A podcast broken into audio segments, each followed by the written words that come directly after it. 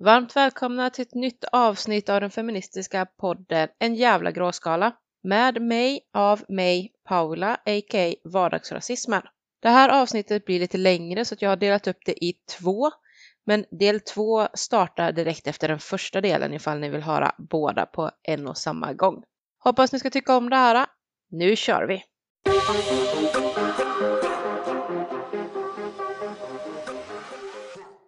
Ja, då var det dags för ett nytt avsnitt av En jävla gråskala. Idag har jag med min eh, goda vän och fantastiska person Karin. Hej Karin! Hej! Hej! Vad trevligt! Ja, och vi ska Mm. prata en massa om män kan vi säga. Ja, det var väl tanken i alla fall. Ja, det är svårt att inte prata om dem. Ja, så får vi se var vi landar någonstans. Ja, det märker vi. Mm. Men vi, vi tar avstamp lite i det här. Det har ju varit en del eh, tidningsartiklar på senaste Mm. om, eh, om det här med incelrörelsen, om de här ofrivilligt celibata männen och hur ensamma de är, hur synd det är om dem. Och Mm. eh, ja, vad ska man säga, det här hatet mot samhället och framförallt mot kvinnor Mm. som eh, går omkring och bär på. På Mm. grund av att de inte får ligga så mycket som de vill eller något sånt där. är väl. Så, Ja, alltså det, det är ju lite skrämmande tycker jag i alla fall att man lägger forskningsmedel på, för som jag har förstått så har det ju, jag kommer inte ihåg vilket universitet det var, men de har ju haft någon forskningsrapport som de har publicerat ganska nyligen om att just lågutbildade män hamnar i någon slags bakvatten nu för tiden och att de då eh, ja, förvägras bli föräldrar.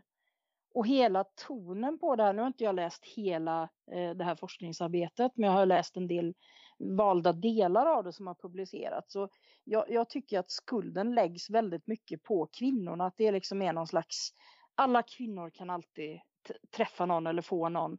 Och de väljer bort de här lågutbildade männen. Och, och då blir det liksom en, en ojämlik situation och att, att, skuld, att skuldbelägga kvinnorna då för att de är de som väljer bort. Jag, jag vet inte om jag tycker att det, är, att det är rätt alls, för jag upplever inte riktigt att det är så det går till. Nej, och jag tycker det blir ju väldigt märklig inställning på något sätt. Att man ringer in de här problemen att männen eh, får sämre betyg i skolan, männen utbildar sig inte på universitet och liknande i lika hög utsträckning som kvinnorna gör. Eh, och eh, kvinnorna å andra sidan, ja men de vill flytta till lite större orter, de vill inte stanna kanske på den här småorten där de är födda och uppvuxna. Mm. Ehm, och de vill ha någon med, ja, vad ska säga, lite liknande bildningsgrad som kan intellektuellt utmana dem. Och då säger man att ja, men problemet är att kvinnorna då väljer bort männen som inte lever upp till det här. Istället för att fundera på vad kan männen göra då för att bli mer attraktiva för kvinnorna. Det, hela attityden blir någonstans så här att nej, men Mm. kvinnor borde ta ansvar här och att tycka synd om de här männen på något sätt. Mm. Ja. Ja, li, lite grann det du säger nu. Eh, det var en krönikör i Expressen, jag kommer inte ihåg hennes namn tyvärr, en kvinna som skrev en artikel nu, eller någon form av liten ledare på det här temat.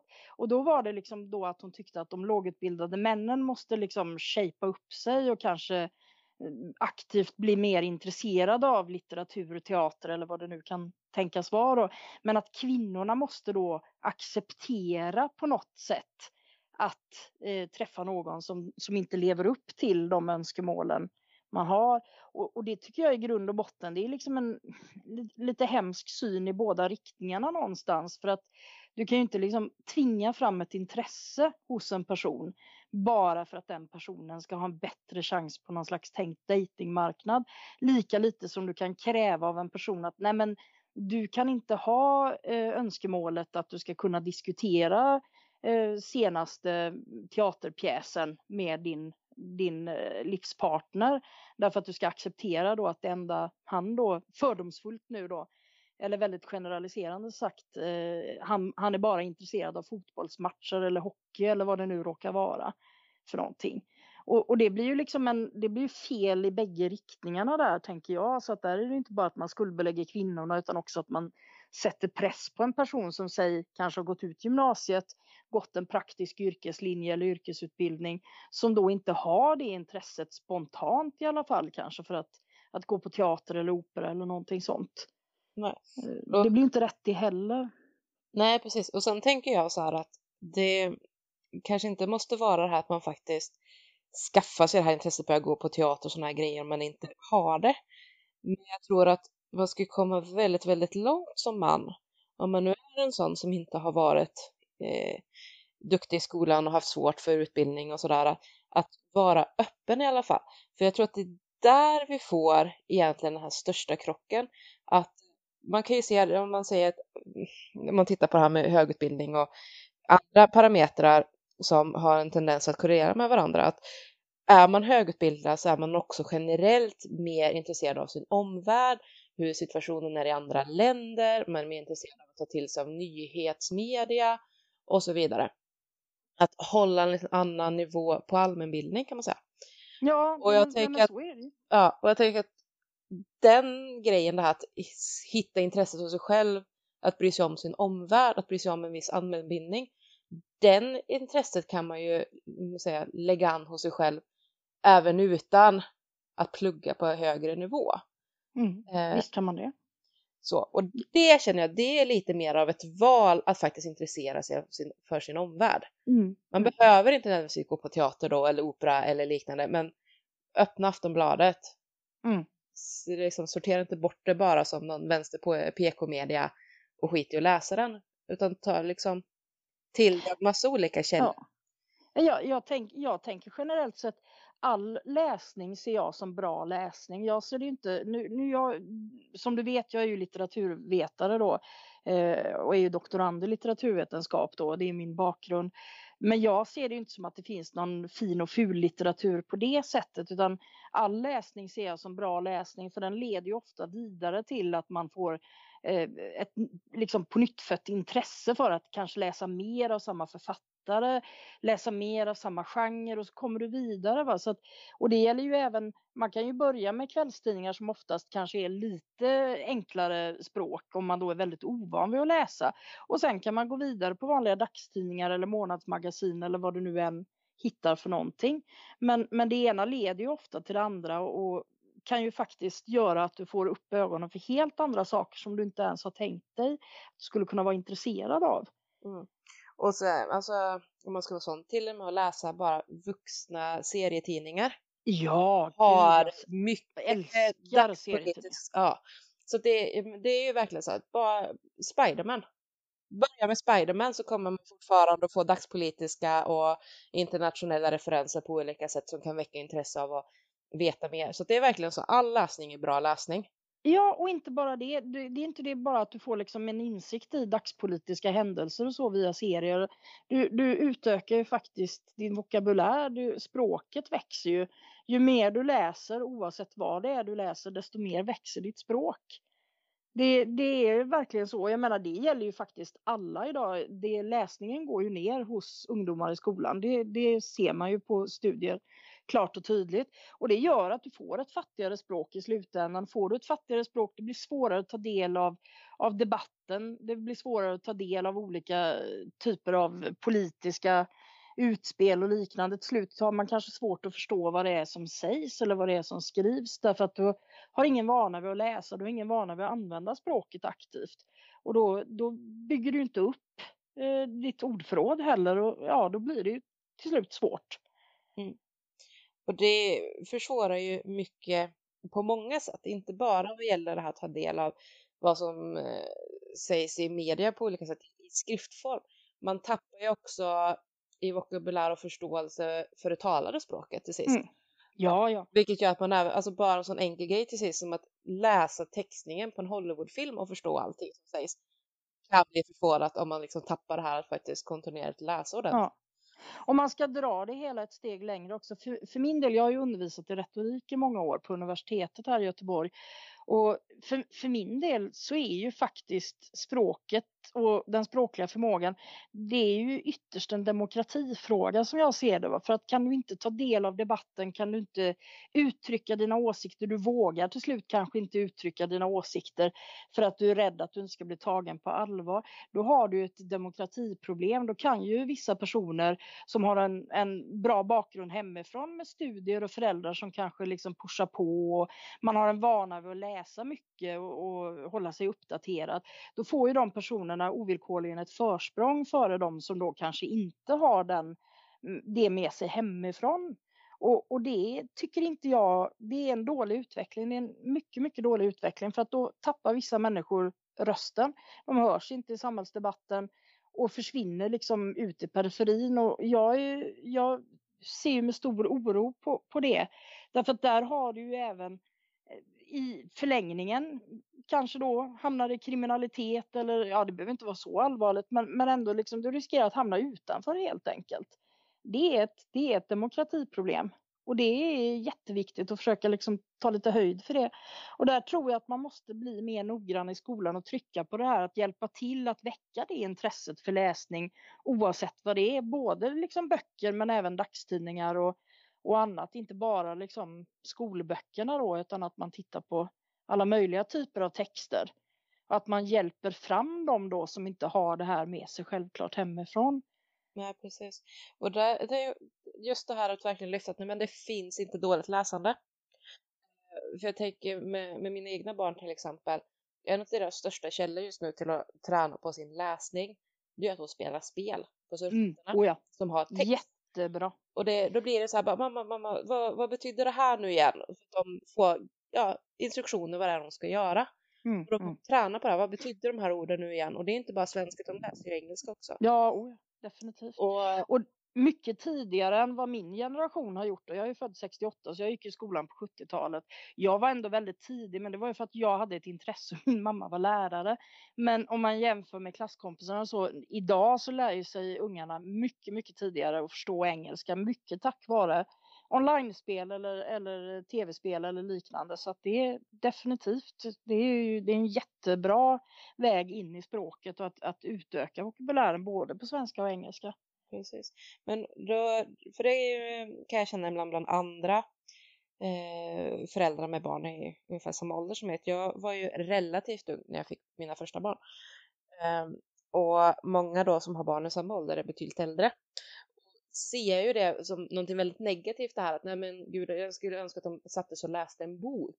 Lite riktig läsning och så förminskar man för barnen det här att de sitter och spelar rollspel då till exempel. Eh, och man istället säger så här, men utmana dem då. Att har de spelat de här lättare spelen där de nu har enkelt att förstå, utmana dem då, prova ett svårare spel som kräver att de tänker mer, läser mer, där det kanske inte går att bara hoppa förbi dialogerna för du måste faktiskt ta till dig vad är det de här karaktärerna säger till varandra för att veta vad som händer framåt. Ja, och inte bara det. Jag, jag tror ju definitivt att just spel kan utveckla fantasin hos barn. Likväl som du kan utveckla fantasin genom att läsa böcker så kan du utveckla fantasin genom att spela spel. Jag ser inte det som något passivt spelande Eh, Eh, och att det skulle på något sätt vara negativt användande av. Det pratas ju mycket om att måste begränsa skärmtiden hit och dit. Jag skulle vilja slå ett slag lite grann för vad, eh, vad Elsa Dunkels, hon är ju forskare på Umeå universitet och håller ju på mycket då med internet och skärmtid och, och sådana frågor då i sin forskning. Och hon säger det att det är inte tiden som är det avgörande, det är ju vad du använder tiden till. Och, och, där tror jag att hon har helt rätt. Därför att du kan få hur mycket kvalitetstid som helst. Mm. Så ja. Definitivt. Och eh, jag tänker om jag ser tillbaka till min egen, alltså jag är ju född 80-talet då.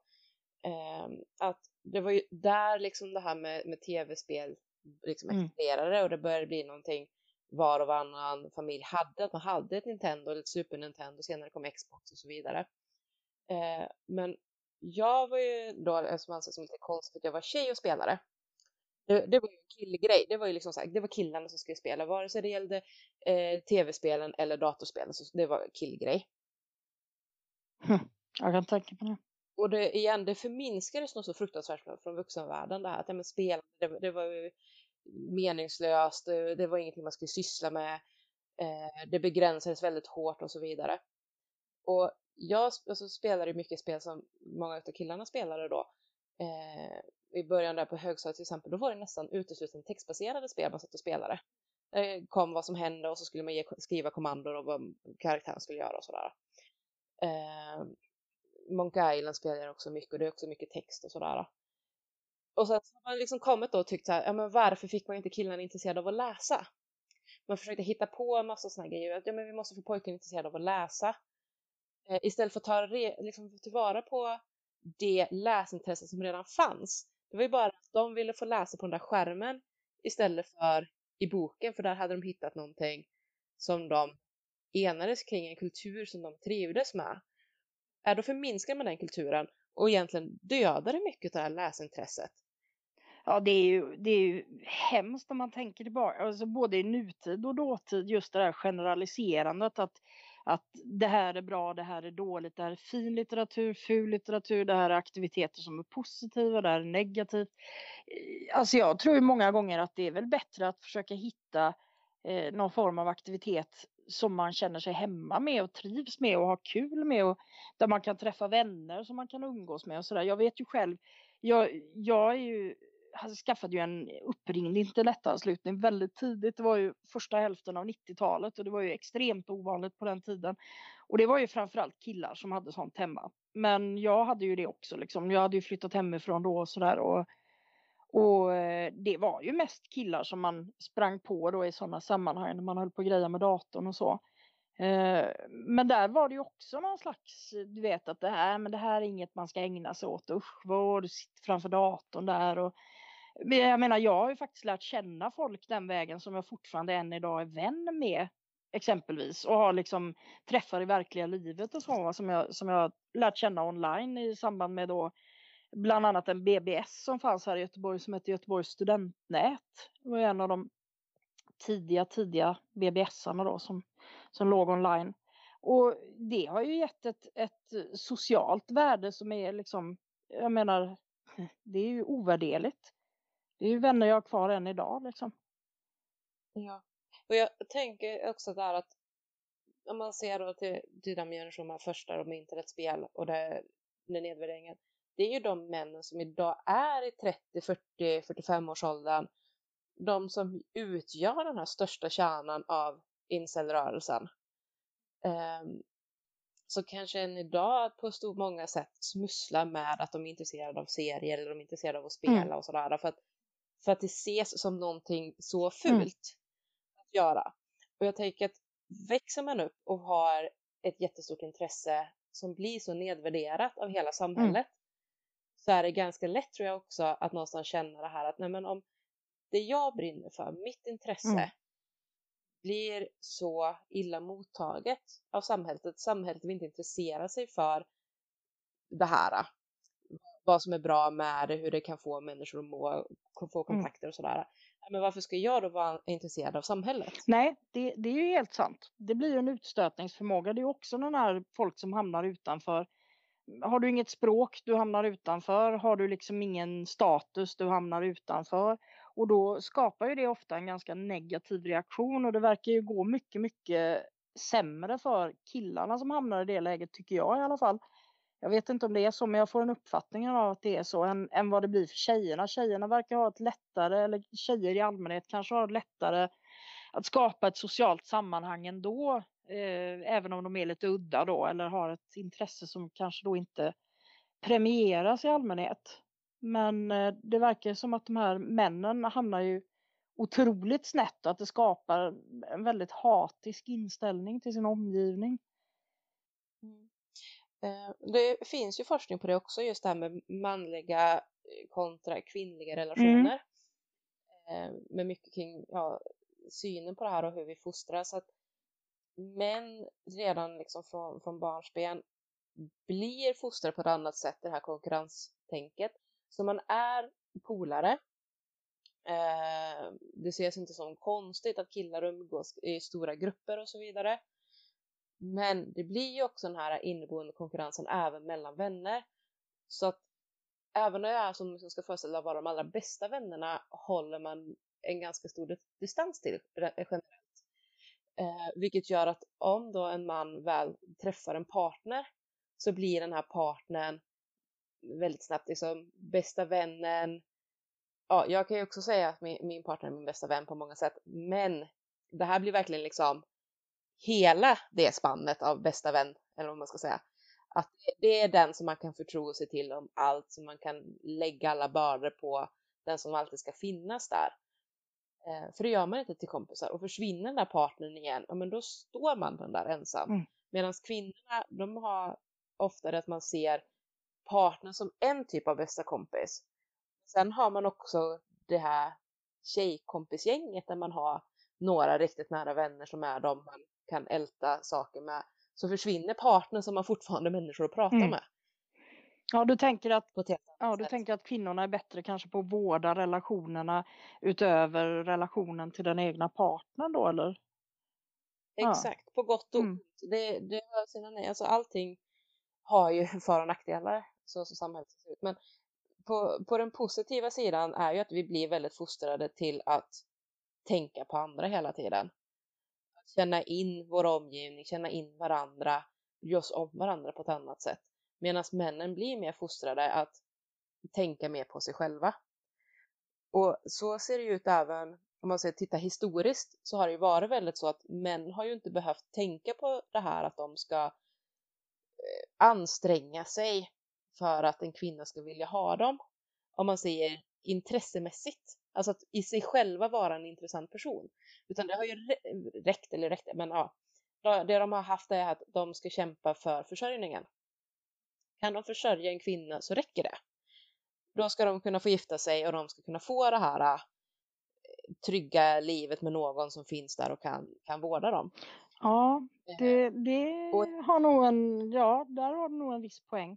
Men jag tänker de här, vad är det då som skapar de här stora grupperna där av incels då, de här involuntary celibate killarna som, som liksom eh, vänder sina aggressioner utåt då när de liksom inte lyckas hitta någon kvinna att gifta sig med eller skaffa familj med eller?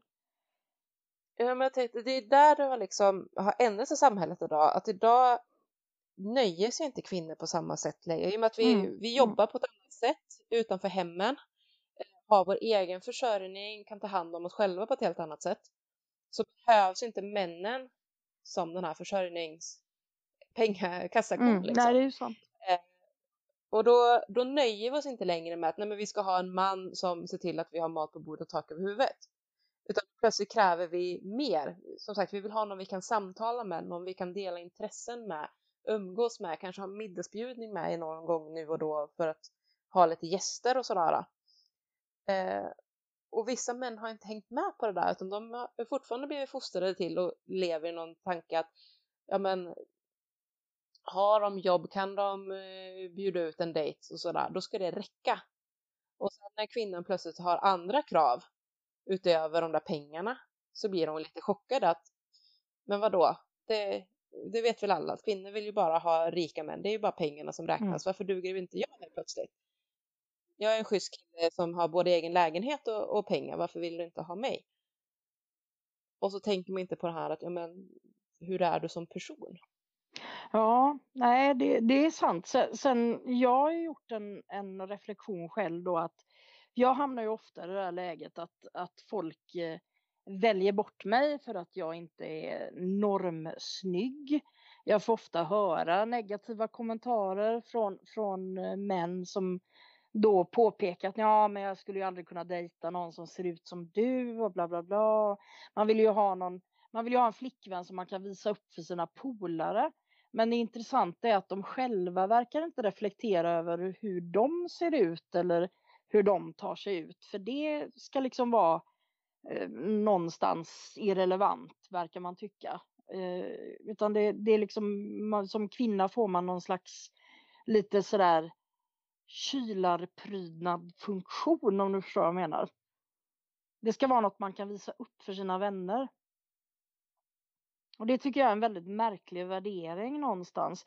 Visst, samhället är ju i mångt och mycket ytligt och absolut, liksom, det är klart att man ser en persons yttre först. Men jag tycker att det här är ganska framträdande hos många eh, killar, speciellt om de är då i min ålder, kanske ensamstående, de har frånskilda eller kanske inte lyckats träffa någon eller haft lite kortare misslyckade förhållanden och sådär. Det, det är på något sätt som att eh, ju mer motstånd det är, eh, ju svårare det är att träffa någon, desto viktigare är det att den här någon man ska träffa ska nästintill vara någon slags fotomodellutseende medan man själv då kan se ut som en som en veritabel tågolycka då på något sätt. Och det, där tycker jag att det är en väldigt konstig obalans också. Och det är väl också lite grann med de här incel-killarna. Det är mycket sån här diskussion om, om Chads and Stacys grejen, att det är liksom jättesnygga brudar och så är det de här typ, ja, amerikanska mått mätt, kaptenen för fotbollslaget. Jag vet inte vad, vad den svenska mm. ekvivalenten till det skulle vara, men det är liksom... Ja, någon uh, utav de uh, bästa i hockeylaget ja, typ. Ja, det får det väl bli kanske. Uh, Men där är det lite grann på något sätt väldigt tydligt att det handlar mycket om utseende och att det blir någon slags ilska för att de blir nobbade och att de inte duger. Att de liksom inte duger utseendemässigt heller och så. Jag vet inte, kan man se någon förändring där? Jag tänker samtidigt som kvinnor är mer självständiga, tjänar mer pengar och så vidare inte behöver mannen för försörjningen. Finns det någon forskning eller finns det någon tendens att kvinnor väljer bort då män som inte är tillräckligt utseendemässigt attraktiva eller vad är det som har på något sätt triggat den reaktionen? Nej, det verkar inte vara så mycket ytan som så. Mm. Eh, utan däremot när man frågar kring kvinnor så, så brukar det vara svaret en, den här generella känslan av fräschhet man, det, man är inte så noga alltså, huruvida de är bildsnygg eller inte. Utan, men däremot så vill man ha en man som man känner håller en grundläggande hygien, håller hår och skägg och såna här grejer i något sån här trim, tvättar sina kläder, alltså det, det, ska kännas som att det är någon som är fräsch. Ja, lite allmänt hel och ren helt enkelt. Exakt. Och det verkar gå lite hand i hand där med, med många som har insett så att de inte har riktigt den grejen. Också. Det finns definitivt de här incels som är, är mer liksom välvårdade. Eh, men där brukar det istället bli det här att det, det räcker med några minuters samtal så börjar det ju pysa igenom liksom den här allmänt sexistiska synen att man vill ha en kvinna som mest ska hålla käft, städa lägenheten, föda de barn, se vacker ut ungefär. Och det är som att de tror på någonstans att man inte märker av sådana där grejer. Men det gör man ju. Mm. Men jag tänker så här lite, när du säger det så känner jag lite spontant så här, är det här någon slags backlash vi ser på att, att feminismen liksom lite grann har flyttat fram positionerna, vunnit lite mark? Jag menar om vi tänker på liksom metoo-rörelsen, vad är det två år sedan ungefär det började va? Någonting sånt. Eh, att, att feministerna då kanske, eller ja, jämställdhetsivrarna bland kvinnorna har vunnit mer mark. Triggar det de här personerna ytterligare då eller? Ja, det tror jag absolut att det, det är en del i detta. Att eh, de, alltså många uttrycker ju det rakt ut på de här incelforumen och liknande så här att de har minsann fostrats och växt upp i tron att skaffa dem det här jobbet, en utbildning, har de pengar, kan de försörja någon, ja men då ska de få någon också. Eh, och så kommer plötsligt feminister, ändrar alltihopa, börjar kräva att de ska ta hand om hem, att de ska göra sysslor som de inte alls har räknat med att de ska behöva göra om de skaffar sig en partner. Eh, att man har liksom förändrat förutsättningarna. Mm. Och det är ju en stark orsak till att de är just så hatiska mot feminister, att det blir en backlash. Det är liksom, det är ert fel att jag inte får någon nu. Jag har ju gjort det jag skulle göra, jag har mina pengar. Nu är det ert fel att jag inte får den här kvinnan jag förtjänar. Mm. Lite så. Ja, ja, men så kan det nog vara. Samtidigt som jag tror att det finns en polarisering också allmänt.